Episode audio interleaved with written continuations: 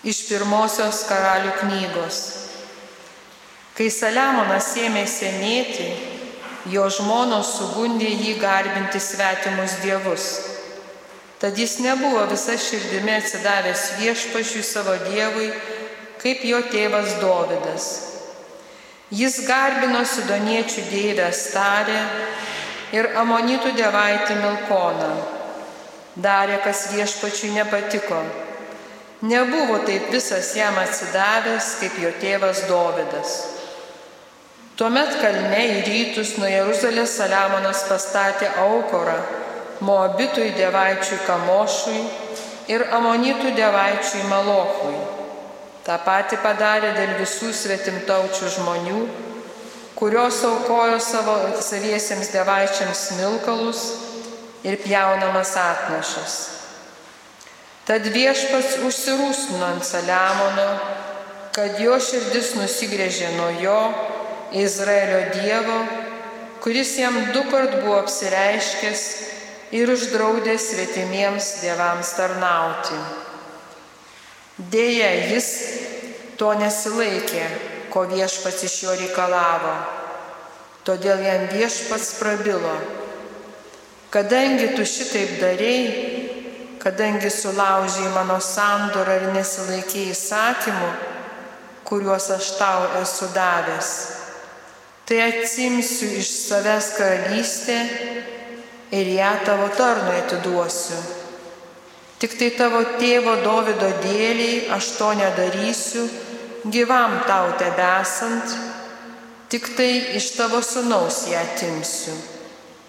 Vis dėlto aš ne visą karalystę iš jo išplėšiu. Aš tavo sūnui dar paliksiu vieną giminę, mano tarno Davido ir mano išrinkto miesto Jeruzalės dėliai. Tai Dievo žodis. Viešpatie mus atsimenkė, mylėdamas tautą. Viešpatie mus atsimenkė, mylėdamas tautą. Laimė tam žmogui, kuris jo įsakymus vykdo, nuolat elges teisingai. Viešpatie atsiminki mane mylėdamas tautą, lankyki mane savo pagalbą. Viešpatie mus atsiminki, mylėdamas tautą. Jie su pagonėmis ėmė maišytis ir jų jau darbus išmoko daryti. Jie jų padirbtus stabus ėmė garbinti, kilpa tuo savo užsinėrė. Viešpatie mus atsiminki, mylėdamas tautą. Jie ėmė savo sūnus aukoti ir savo dukras melabąją. Viešpaties rūstis įsiliepsnojo prieš savo tautą bjaurus tapo jam savi žmonės.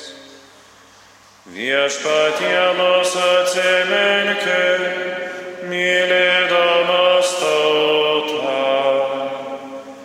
Aleliuja,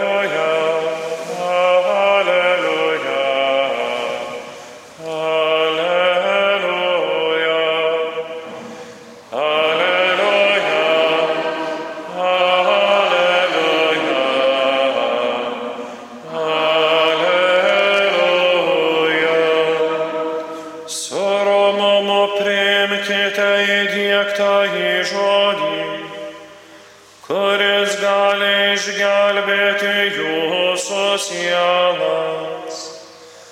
Alleluja.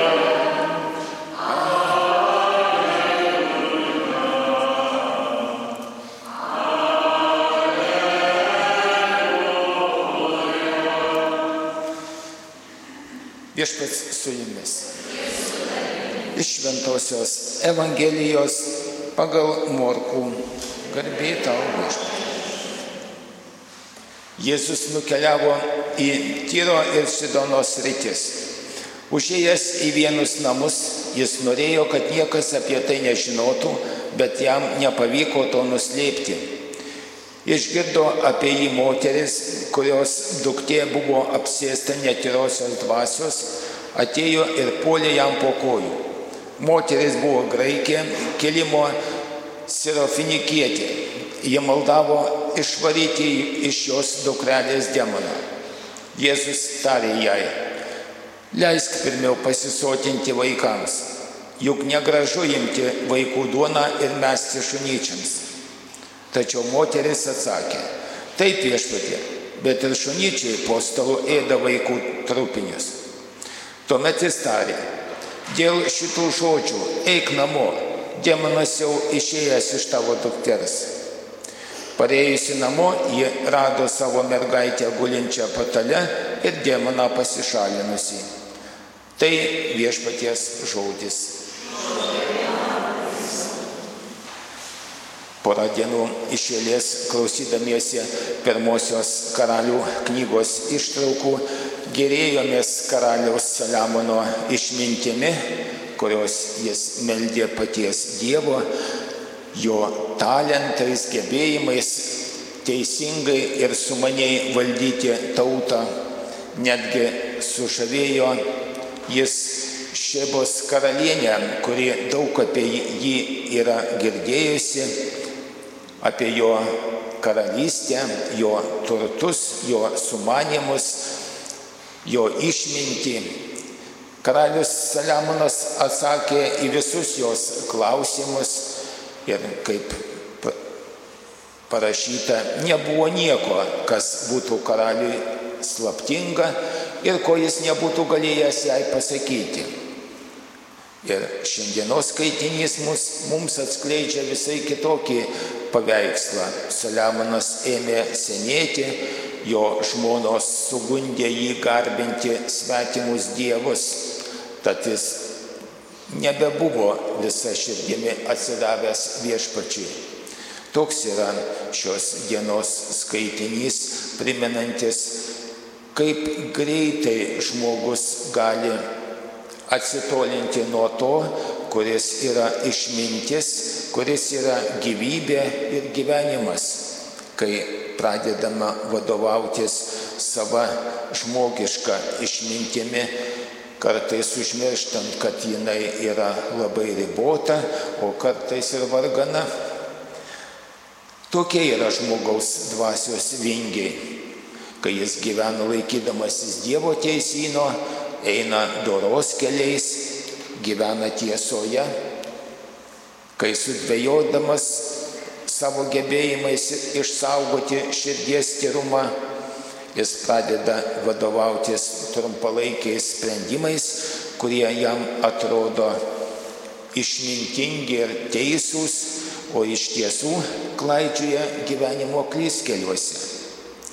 Ir šiandienos pirmasis skaitinys mums paliudyja, kaip nesunku apkerėti žmogaus širdį.